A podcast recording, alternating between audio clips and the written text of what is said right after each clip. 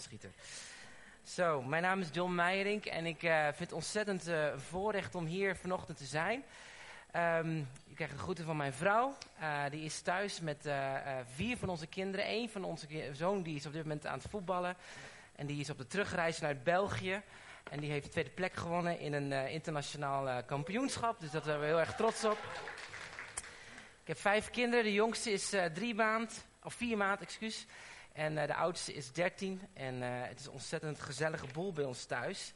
En in mijn vrije tijd uh, ben ik kerk- en relatieadviseur. Ik help verschillende kerken in de vraagstukken van gemeenteontwikkeling. groeien in gemeenschap, generaties verbinden, maar ook kijken naar nieuwe vormen van kerk. En dat doen we eigenlijk heel breed. Ik ben oorspronkelijk een Pinksterbloem, maar ik schuif steeds meer, heb ik de mogelijkheid om in allerlei andere uh, bloedgroepen ook actief te zijn. Dat is ontzettend gaaf om te doen. En daarnaast ben ik uh, associate voorganger in Zutphen samen met broeder Peter Sleebos. Heel bekend denk ik hier in de gemeente. Um, dus daar werk ik nu een aantal jaren mee samen om die gemeente weer op de rit te krijgen.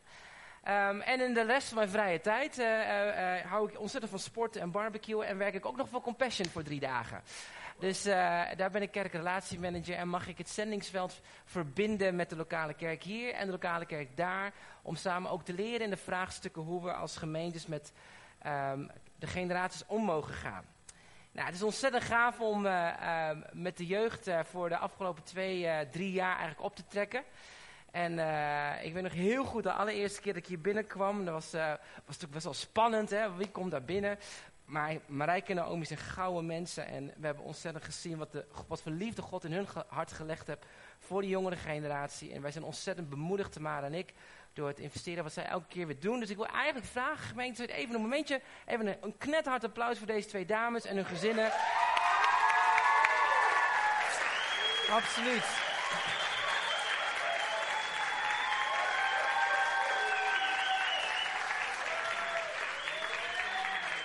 En natuurlijk ook de rest van het stafteam. Super geweldig jongens, dankjewel. Um, en weet je, het is nooit, uh, het, is, het is zo kostbaar wanneer de gemeente investeert in de volgende generatie. En een van mijn thema's is altijd generaties verbinden. Uh, en niet alleen maar verbinden, omdat ik geloof dat generaties ook samen moeten optrekken om God koninkrijk ook bekend te maken. Dat is een plan van God. En, uh, en ik, ik vind het ontzettend gaaf wanneer een, een, gemeente wakker wordt voor het besef, joh, weet je, we hebben 60% van de jongeren verlaten kerk voor een achttiende. Dan hebben we echt nog wat werk te doen om te zorgen dat we uh, dat ook tegengaan en te zien dat die jongeren tot volwassen christen worden, toch? Amen? Het grote probleem is dat we af en toe wel eens dingen meemaken in een kerk die even niet leuk zijn. En ik begreep ook dat hier in de gemeente ook dat jullie door wat dingetjes heen zijn gegaan. Um, en dan vraag je wel eens af, heer, hoe zit dat dan? Hè? Hoe werkt het dan? En hoe, wat is dan gemeente zijn? En hoe zit het dan? Maar ik denk dat dit altijd in de, in de moeilijkste momenten van gemeente zijn ook het kostbaarste wat God wil leggen. En dat is dat hij ons wilt herijken naar zijn hart. Uh, en, en dat in de crisismomenten de enige weg is dat je terug kan naar het kruis. Amen.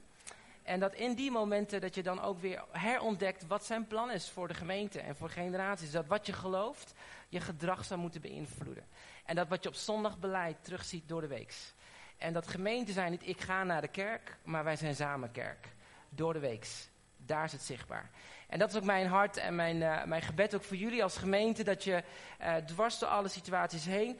Dat je niet aan de ene kant swingt naar een soort extreem charismatisch. Waarin alles vergeestelijk wordt. Want dan kan je ook de bomenbos niet meer zien op een gegeven moment. En dat je ook niet swingt naar de andere kant. Waar je alles te rationeel wordt. Maar dat je de, de, de, nabijheid en de liefde van God gaat vinden. In de simpel, eenvoudig het geloof met elkaar delen en beleven. Want daar gaat het om, dicht bij Jezus zijn. Amen. En daar wil ik ook vanochtend ook over spreken. Over een uh, mooi cadeau. Een cadeau. Um, en het is een heel simpel thema, want ik dacht, we hebben een paar jongeren bij ons, dus ik denk, ik hou het lekker simpel vandaag. En um, een, tekst wat ik je alvast wil lezen is in Jacobus 1 vers 17. En dat zegt dat elk goede gave en elk vermaakt geschenk is van boven. Um, die daalt neer van de Vader der lichten, bij wie er geen verandering is. Dus wat ook soms de context van ons leven kan zijn, waardoor veranderingen er zijn, bij hem is geen verandering of schaduw van omkeer. En mijn vraag aan u vanochtend is, wie houdt er van cadeautjes? Ja? Amen. is ook mijn liefdestaal. En ik werd ontzettend verrast door een fly afgelopen keer dat ik hier binnenkwam. Dat vind ik echt geweldig. Dus, uh, maar ik wil je uh, vanochtend uh, even meenemen een klein filmpje. Ik weet of het lukt, of het gelukt is. Dat heet Het Cadeau. Ik kwam het laatst tegen online en ik dacht, dat is echt een grappig filmpje om eens even met elkaar samen dieper over na te denken. Deze jonge man krijgt een heel bijzonder cadeau. Yes?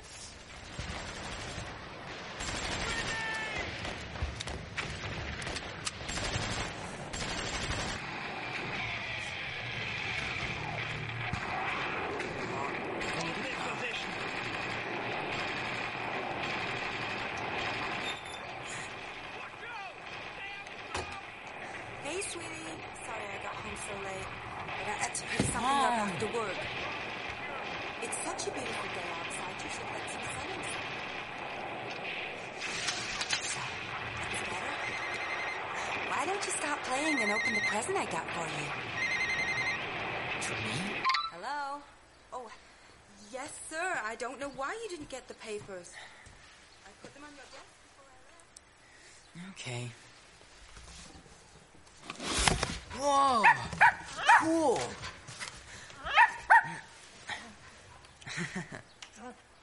hmm? Ugh. She's gotta be kidding me.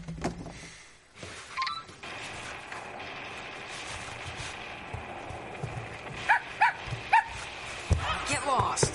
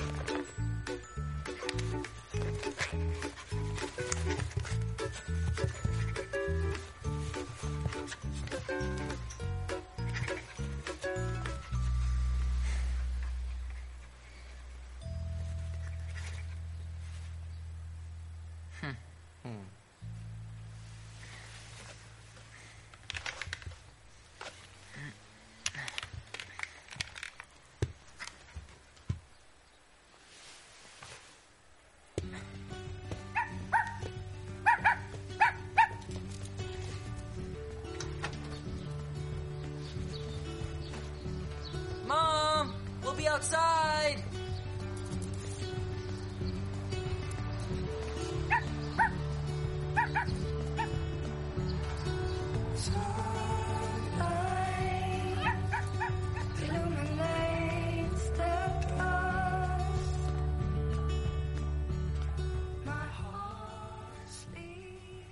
Ontzettend ontroerend filmpje, hè?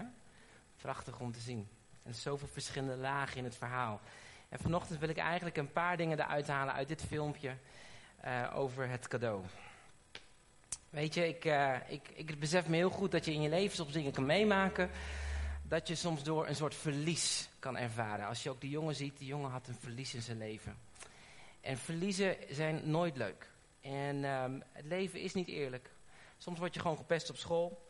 Iemand zegt geen leuke dingen in de gemeente over je gemeente, broeders en zusters, doe je pijn. Uh, iemand dierbaar heeft je verlaten. Misschien wel teleurgesteld geraakt in, uh, in leiderschap. In mensen om je heen. Misschien je eigen man of vrouw die je teleurgesteld heeft. En uh, misschien kun je net als de jongen, als het ware, ook misschien wel eh, een fysieke handicap ervaren. Dat je ziek bent of dat je getekend bent door een ziekte in je leven. Um, maar het is zo belangrijk dat in, wanneer het leven even niet ziet zitten, dat is niet altijd overwinning en doorbraak, maar dat je tot het punt kan komen dat je hart bewaakt en bewaart voor teleurstelling. Dat je hart zuiver houdt, dat je hart eh, ehm, hoe zeg je dat? Ehm, een juist hart houdt in de momenten wanneer het leven gewoon even tegen zit. Want weet je, ehm, wanneer je dus door een verliesproces gaat in je leven, en dat is heel apart. Vanochtend werd ik wakker en ik droomde over een situatie waar een bepaald verlies in mijn teken, in mijn leven tekende. Dan dacht ik, Heer, wat wilt u daarmee zeggen? En dat is God zei van, soms maak je een verlies mee in je leven. Soms gebeurt er iets pijnlijks in je leven. En dan, dan is het alsof iets weggehaald wordt uit je leven. En dan voel je je gehandicapt. Maar het is zo belangrijk dat je dan in dat proces van rouw, dat je dus niet een gewond hart hebt. Dat je een gewond hart ontwikkelt. Ehm, mensen die een gewond hart hebben, reageren vaak hun pijn en emoties af op andere mensen. Heb je dat ook ontdekt? Een gegeven moment ga je dingen of je wordt ontzettend uh, passief, of je gaat dingen projecteren op andere mensen.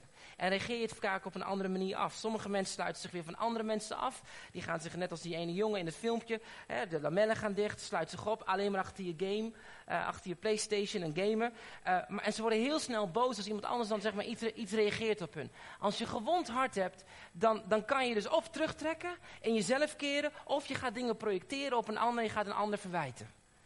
Maar God wil dat we geen gewond hart hebben. God wil niet dat we een verwond hart ontwikkelen door de dingen die in ons leven gebeuren. Het is zo apart, want de Bijbel zegt in Spreuken 4, vers 23 dat je je hart moet bewaken. Boven alles, want daar komen de oorsprongen van het leven vandaan. Dus het is belangrijk dat we verantwoordelijkheid nemen over ons hart. Ons hart is de beste plek, want daar is wat, wat daar gebeurt, daar, daar ontwikkel je de weg voor het leven van je. En David bad dan ook in Psalm 51, toen hij ook door een moeilijk proces ging vanwege eigen keuzes. En deels ook dat hij een verwond hart had kunnen ontwikkelen door de situatie die hij meemaakte, het verlies. Uh, wat hij dit, hij zei van Heer, wilt u mij uw blijdschap en echte vreugde geven? Mijn lichaam en mijn ziel, die zijn te neergeslagen. Heer, u kunt mij oprichten. U kunt mij, help me om u te laten prijzen. Geef mij een nieuw en een schoon hart. Mijn God geeft mij een vaste geest en een innerlijk standvastig maakt. Wauw, weet je, dus een nieuw hart wat innerlijk en standvastig is. En mijn vraag vanochtend is, hoe is het met jouw hart? Want als je hart verwond is, dan ga je leven of je trekt je terug, je wordt afzijdig, of je, hè, net als de jongen, je gaat naar binnen gekeerd raken. En je kijkt dingen op een afstand, je wordt wantrouwig. Of je gaat vechten, je gaat je plek opeisen. Maar als je een verwond hart hebt, dan, dan creëer je ook verwonding naar andere mensen toe. Dus hoe zit het met jouw hart? Is je hart vrij? Ben je vrij van wat dingen je beheersen? Is het vrij van de ergernissen? Is het vrij van de teleurstellingen? Is het vrij van pijn? Is het vrij van uh, het verleden wat soms met je meedraagt? Is er verwonding in je hart vandaag?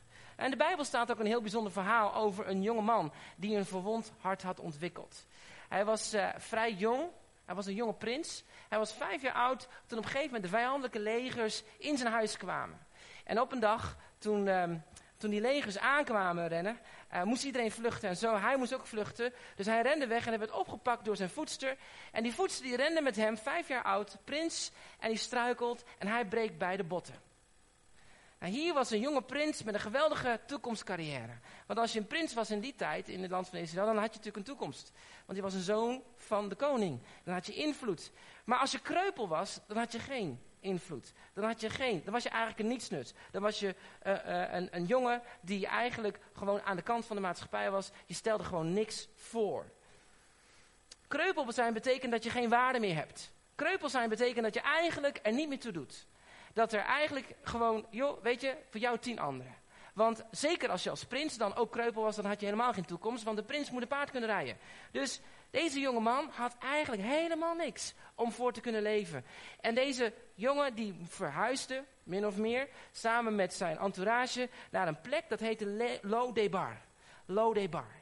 En dat staat voor een plek waar rotsachtig is, waar geen grazige weide is, waar eigenlijk geen leven is. Eigenlijk is dat een dorre plek waar je gewoon simpel wegkwijnt in je pijn. Een prins die kreupel is door een omstandigheid en vervolgens dan wegkwijnt op een plek. En op een dag komt daar een nieuwe koning, die hoort van zijn situatie en die komt deze jonge prins opzoeken. En die klopt aan de deur en zegt, uh, Mephibozet, ben je daar? En deze jongeman die komt kruipend over de vloer aan naar de koning toe zegt, ja heer, hier ben ik. En de koning ziet dat Mephibozet, de prins, schrikt. En hij zegt, joh, wees niet bang. Wees niet bang, want ik zal goed zijn voor jou vanwege de vriendschap die ik had met jouw vader Jonathan. Ik zal je alle akkers en landjaren teruggeven van je grootvader en je mag altijd bij mij zijn, aan mijn tafel en in mijn tegenwoordigheid zijn, te eten van de spijzen die ik je geef. Dus hier is een jongeman, getekend door het leven, gebroken en kreupel door de dingen die gebeurd zijn in zijn leven. Eigenlijk geen toekomst meer heeft. Leeft in armoede, leeft op een plek van woestenij. Gestript van zijn identiteit als prins. Wordt gezien als onnozel, onbruikbaar. Niet mogelijk om iets te kunnen doen voor God of voor hè, in zijn bestemming te kunnen komen. En plotseling komt daar een koning binnen en in één klap draait zijn leven om. Nou, dan zouden wij denken van, wat is dit een geweldige getuigenis, je moet op de eeuwverandering.nl. En deze jonge prins die zei, wie ik? Hoe wilt u mij gebruiken? Ik ben gewoon een dode hond. Wow. Weet je, een verwond hart maakt dat je. Maakt dat je het, heeft effect op hoe je naar jezelf kijkt. Hè? Een verwond hart ziet altijd hetgene wat je niet kan. Ziet altijd hetgene wat je niet hebt. Wat je niet kan bereiken. Wat onmogelijk is. Maar een, een hart dat ondanks pijn, zeg maar, een juist hart heeft ziet het potentieel wat in zichzelf is. En zo is het ook zo met deze prins. Deze prins die, die dacht, ik ben maar een hond. Ik ben een dode hond. Ik stel niks voor. En dan zie je de reactie van de koning. En die, die, die gaat er niet eens overheen. Hij zegt, nee weet je wat, ik draai alles om. Jij hebt waarde. Jij hebt waarde. Wanneer we een verwond hart hebben, dan heeft het effect op hoe we onszelf zien. We zien ons niet meer dat we van waarde zijn. Dat we van koninklijke afkomst zijn. Dat we kostbaar zijn. Dat we geliefd zijn. Dat we mooi gemaakt zijn. Een verwond hart lijkt alleen in de dingen te zien die niet goed zijn. De dingen die we moeten verbeteren in ons christelijk leven. Nog meer bidden, nog meer vasten, nog meer zus, nog meer zo. Want dan ben ik misschien van waarde. Dan kan God misschien iets doen in mijn leven. Als ik maar. Nee, we schieten dan zo vaak tekort. Maar weet je, er is maar één iemand die echt raad weet met een verwond hart. En dat is onze Heer Jezus. Hij kent de staat van ons hart. Hij weet hoe we over onszelf denken. Hij weet wat we voelen. En hij is gekomen om dat gebroken hart te genezen, zegt Jesaja. En niet alleen dat. Wij mogen naar hem toe gaan met ons gebroken hart. En hij geneest ons hart. Hij geeft ons een nieuw hart. En hij geeft ons een nieuwe identiteit. Jezus kwam om de gebroken harten uh, genezing te helen. Hij kwam, hij werd verwond, zodat wij onze verwondingen genezing zouden kunnen ontvangen. En hij brengt ons terug naar die plek van overvloed en zegen. Hij is die goede herder die ons brengt uit de plek van rots naar een plek van een grazige weide. Hij nodigt ons uit om in de plek van intimiteit te komen aan zijn tafel. Wanneer we hem mogen ontmoeten en mogen genieten van zijn aanwezigheid. Die continue nabijheid van Jezus. De continue intimiteit van Jezus. De liefde van Jezus. De geborgenheid in Jezus. Onze koning mogen we dan ervaren. Mijn vraag vanochtend is, hoe is het met je hart? Is je hart net als die jongen die gamet? Is het ergens gebroken? Is het ergens verwond geraakt? Heb je misschien pijn? Misschien heb je het weggestopt met allerlei strategieën om het te overleven. Ja, dat kan ook nog. Sommige mensen lachen hun pijn weg. Andere mensen eten hun pijn weg. Weer andere mensen sporten hun pijn weg. Soms kan je je pijn in je hart, herken je het niet eens meer.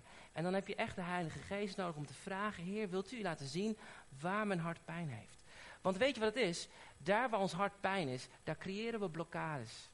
En dan is de vrije ruimte in ons hart waar de Heilige Geest kan werken, wordt beperkt. En God wil ruimte hebben in ons hart. God wil je hart genezen. God wil ons brengen naar een volmaakt plek. Niet een niet een rotsachtige plek. Nee, hij wil naar een groene, grazige weide van intimiteit met hem. En daar wil God ons hart genezen. Nou, Mephibosheth nooit kunnen bedenken dat de vijand van zijn familie uiteindelijk ook de sleutel zal zijn tot omkeer in zijn leven. En dat brengt ons bij punt 2. Dat is in het filmpje. Dat Gods cadeau in ons leven komt heel vaak in een vreemde verpakking. Heb je dat ontdekt? Want vaak als je verwond bent, dan heb je vaak altijd een eisenlijstje, noem ik het maar. Dan zeg je tegen de Heer, nou Heer, als u dit oplost en dat oplost, als u dit doet op deze manier en zo'n manier, dan weet ik dat u achter me staat. Dan weet ik dat u dingen uitwerkt. Heer, want dit heb ik nodig. En negen van de tien keer houdt God dan aan het lijstje? Nee. Want God weet wat we nodig hebben. En hij kent ons hart. Maar zijn cadeau komt vaak in een vreemde verpakking. God gebruikte een vijand van de familie om uiteindelijk mee verboden te brengen naar de staat van heelheid. En zo is het ook zo met in het filmpje. Deze jonge man die krijgt een heel raar cadeau van zijn moeder. Een hondje met één pootje minder. Nou, als je een hondje met één pootje minder krijgt, zou je dat leuk vinden? Ik weet niet of je dat leuk zou vinden. Hij vond het niks. Maar uiteindelijk was dit cadeau iets wat hem hoop in leven gaf. Wat hem blijdschap gaf. Wat hem ruimte gaf. En ehm, dat is ook zo met God. Gods cadeau komt vaak in die vreemde verpakking. Ehm, weet je, de Bijbel het laatste. Gods gaven zijn volmaakt. Want in hem is geen verandering. Maar we moeten wel leren accepteren dat God soms dingen in ons leven toepast. Waar wij misschien niet denken van, hé, hey, dit is de juiste weg. Heer, waarom moet het op deze manier? Heer, het zou beter zijn als je op dat manier doet. Maar als je dan dat gaat ontvangen, zoals God het naar je toe brengt, dan komt daar een zegen vrij, komt er een sleutel vrij die jou brengt naar een plek van heelheid en een omkeer in jouw situatie. Er was een jonge man die uh, uh, samen met zijn vader een verlies hadden meegemaakt. Uh, ze hadden een, moeder verloren door een ziekte. En beide gingen door een periode van rouw en verdriet. Maar beide, ja, in hun pijn ontwikkelde de zoon met name ook echt een verwond hart. De vader en de, en de zoon hadden die relatie, dat ging eigenlijk niet goed. En dat ging eigenlijk steeds slechter en slechter en slechter. En deze jonge man, die werd op een gegeven moment 21. En, en hij had zijn vader, had hij gezegd, had al meer dan een half jaar, had hij met zijn vader over gehad dat hij voor zijn 21ste graag een, een auto wilde hebben. Voor zijn verjaardag. Dus die vader die had dat gehoord en die jongen had heel specifiek gevraagd welke auto hij van zijn vader wilde. Hij had een bepaald merk, bepaalde kleur. Nou, en noem maar op. Dus een half jaar lang was hij al met zijn vader eigenlijk min of meer aan het inpraten. Pap, als je een auto koopt, dit vind ik een mooie auto. Pa, kijk, daar is die auto. Dat vind ik een mooie auto. Dus die jongen was helemaal, die had die vader helemaal bewerkt voor dat cadeau. Goed, die jongen werd 21. Was het moment dat, hij, dat zijn vader hem uitnodigde aan, uh, in het kantoortje. En de jongen zat tegenover de vader bij het bureau. En de vader die zat achter zijn bureau en zegt... Zoon, ik weet dat we de afgelopen tijd een ontzettende moeilijke tijd hebben gehad. En ik wil dat je weet dat ik ontzettend veel van je hou. Ik wil dat je weet dat ik ontzettend veel om je geef, maar ik niet altijd in staat ben geweest je hart te bereiken. Dus dat die jongen werd wel geraakt. Want dat was een ontzettend mooi. Hij zegt, ik heb een cadeautje voor je. En die jongen was helemaal, helemaal klaar, want hij had natuurlijk al meer dan een half jaar gepraat over auto. Dus hij denkt, yes, nu komt dat moment. Dus hij zit daarvoor, hij zegt, zoon, ik wil je iets geven wat een sleutel mag zijn voor jouw leven. Dus hij denkt, sleutel, bingo, je hebt hem. Dus de vader die geeft het pakketje aan de zoon. En die zoon die ja, maakt het pakketje open. En hij schrikt. En hij kijkt. En denkt, wat is dit nou? Wat is dit? Hij ziet daar een klein boekje. Een bijbeltje. En in één klap werd die zoon zo ontzettend boos. Zo ontzettend boos. Hij zegt, pap, u weet toch dat ik gewoon een auto wil. Hoe kunt u mij een Bijbel geven voor mijn verjaardag? En hij gooit die Bijbel, wap, door de zaal, door het kantoor, excuus, door het kantoor. En hij rent de deur uit, pakt zijn koffer en hij verdwijnt uit het huis van zijn ouders. Hij zijn vader niet meer gesproken. 25 jaar later. 25 jaar later. Hij is getrouwd, heeft kinderen, woont aan de andere kant van het land. Op een dag krijgt hij een telefoonnummer, telefoontje. En hij ziet het nummer in zijn display en denkt, dat nummer komt bekend voor. 25 jaar later. Hij pakt op en hoort dat de stem van zijn vader. Zoon. Pap. Stil. Heel awkward. Je hebt al meer dan 25 jaar lang je vrouw niet meer gesproken. Je hebt je vader niet meer gesproken. Dat, zou, dat voelt dan echt raar, hè? Ik vind het al erg als ik mijn kind niet een dag spreek. 25 jaar. En die vader zegt, zoon, ik moet je wat vertellen. Ik ben ongeneeslijk ziek. En ik heb niet lang meer te leven. En mijn laatste wens is dat ik je gewoon zie. Dat ik je gewoon zie. Dat ik je weer mag zien. Die zoon was helemaal flabbergasted. Hij was helemaal geschokt. Hij zat helemaal, wat moet ik hiermee? Dus, uh, nou ja, goed. Ze besloten in ieder geval om eerst maar eens weer te gaan bellen. Dus ze belden elkaar op. En het telefoongesprekje van twee minuten werd tien minuten, werd een uur en langer en langer. En het besloten op dat moment van, nou weet je wat, het is goed dat we elkaar weer gaan zien na 25 jaar. Dus de zoon die maakte voorbereidingen, trof voorbereidingen om zijn reis te gaan naar zijn ouders, naar zijn ouderlijk huis en zijn vader op te zoeken. En terwijl hij zijn ticket had geboekt en in die week dat hij zou vertrekken, krijgt hij een verschrikkelijk nieuws. Zijn vader was plotsklaps overleden. Wat doe je dan? Dus hij toch met zijn koffertje in het vliegtuig gestapt naar het ouderlijk huis. Hij herkende alles. Surrealistisch, geen moeder, geen vader meer. Er is niemand die hem opwachtte.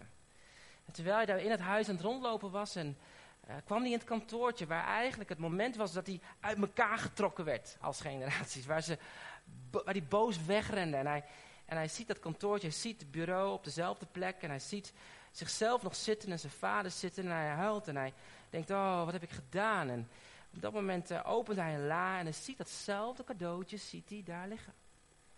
Hetzelfde cadeautje. En hij opent dat bijbeltje. En in het bijbeltje stond een klein briefje. Lieve zoon, dit bijbeltje was van je moeder. Dit is de sleutel tot het hele leven. Er zit ook een ander sleutel in, wat ik je wil geven.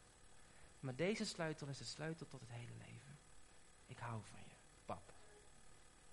Hij opende en ziet daar een sleutel. Hij loopt naar de schuur. En onder een doek stond die mooie auto die hij had gewild hebben. Poef.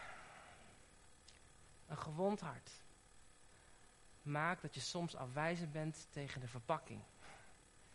En dat je daardoor het cadeautje mist wat God wil geven in je leven. Maar God geeft altijd een goed cadeau. Zelfs als de verpakking even anders is. Want God heeft een hoopvolle toekomst met ons leven. Amen. Een derde puntje wat ik je mee wil geven, dit verhaaltje van het filmpje. Iedereen maakt moeilijke dingen mee, hè? Dat weten we. Maar net als het hondje die ook iets moeilijk meemaakt in zijn leven, mocht het hondje, als het ware, de jongen helpen die een gebroken hart heeft. Nou, de jongen had een gebroken been. Die was gehandicapt. Dit hondje had één pootje eraf. Hij was gehandicapt. Ik kan me zo voorstellen dat je af en toe denkt bij jezelf, nou, maar wat heb ik nou te geven? Ik ben gebroken, ik heb pijn. Ik, er zijn dingen in mijn leven gebeurd die even lastig zijn. Hoe kan ik ooit, maar juist jouw gebrokenheid, juist jouw imperfectie, juist jouw handicap, wil God gebruiken om een zegen te zijn voor een ander. Dat kleine hondje Misschien heeft hij wel een ongeluk gehad. Misschien is hij wel zo geboren. Misschien heeft hij wel iets meegemaakt, heel traumatisch.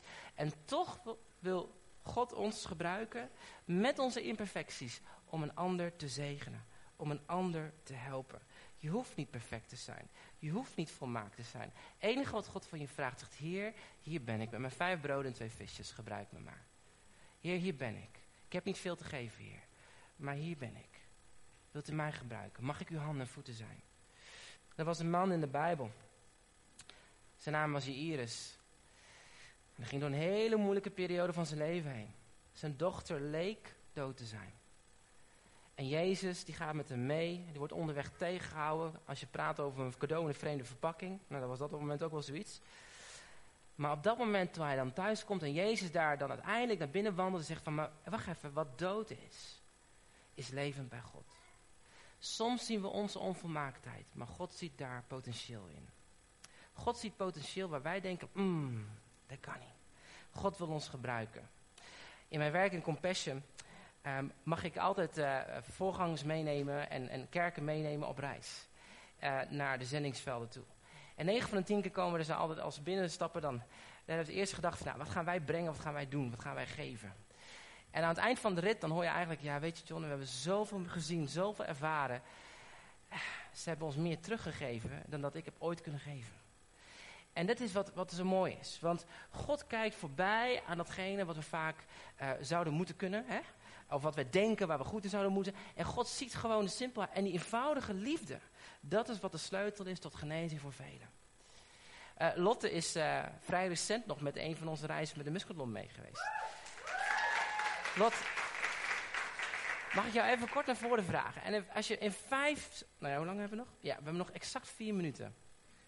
Goed, hè? Kan je mij kort vertellen... Ik weet je deze moet gebruiken, ik denk het wel. Alsjeblieft. Wat was nou het allerhoogste punt in je reis? Want je hebt natuurlijk een marathon gelopen om kinderen te helpen in armoede. Wat, wat, wat triggerde jou? Ja, het mooiste was mijn sponsorkindje ontmoeten. eh, vond ik zelf. De marathon ja, heb ik uitgelopen met blessures.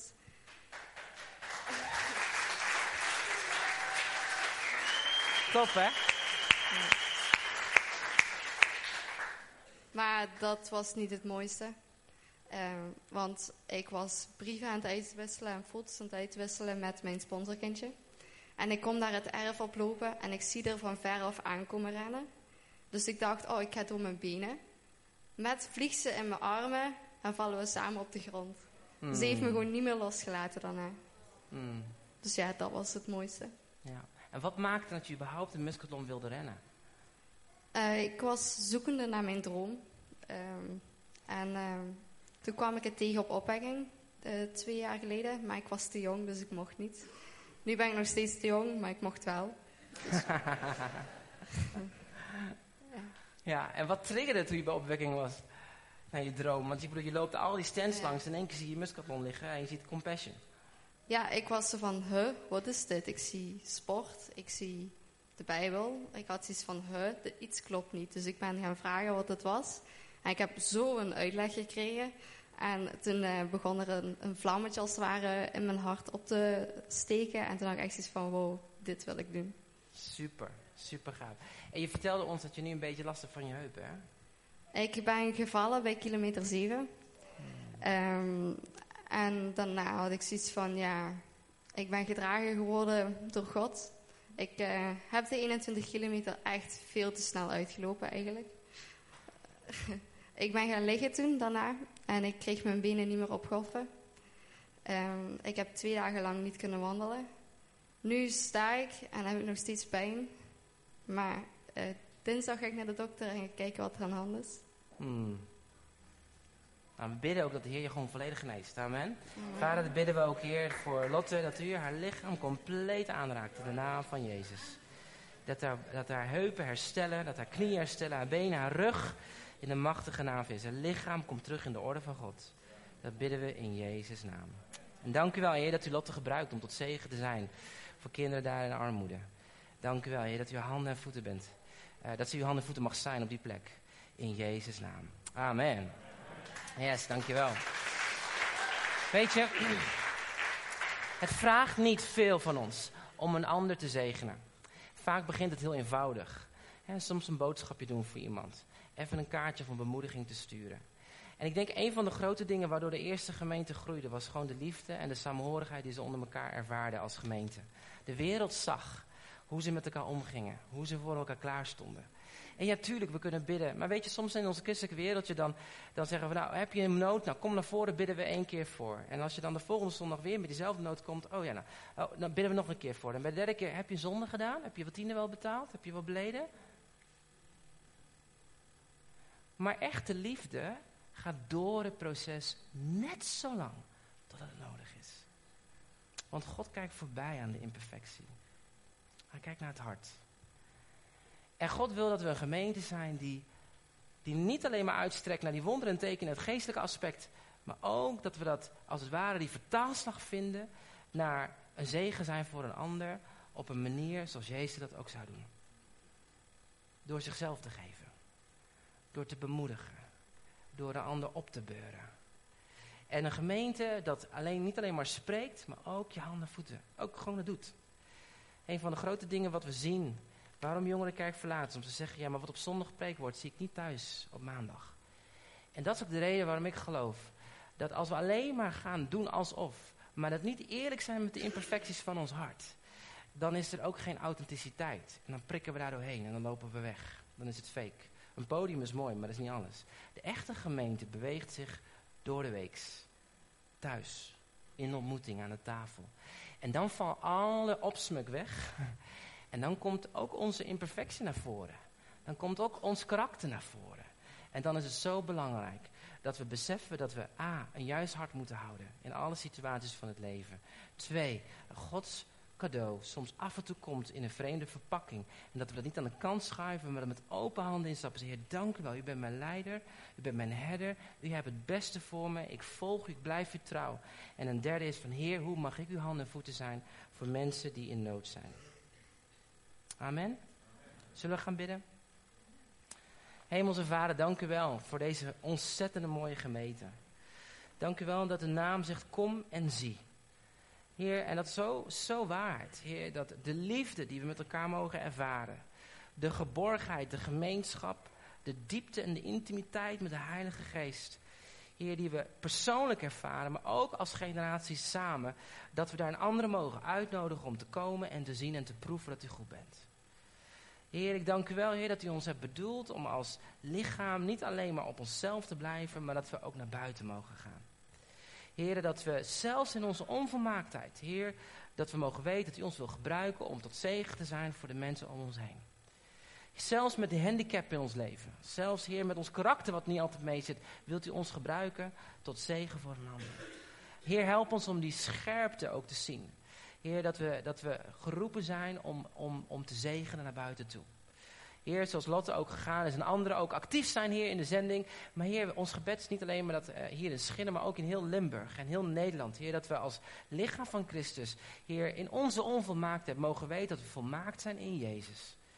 En dat we daarom mogen uitstappen in vrijmoedigheid en geloof om uw naam bekend te maken. In Jezus' naam. Vader, ik bid ook zo, Heer, voor de gemeente.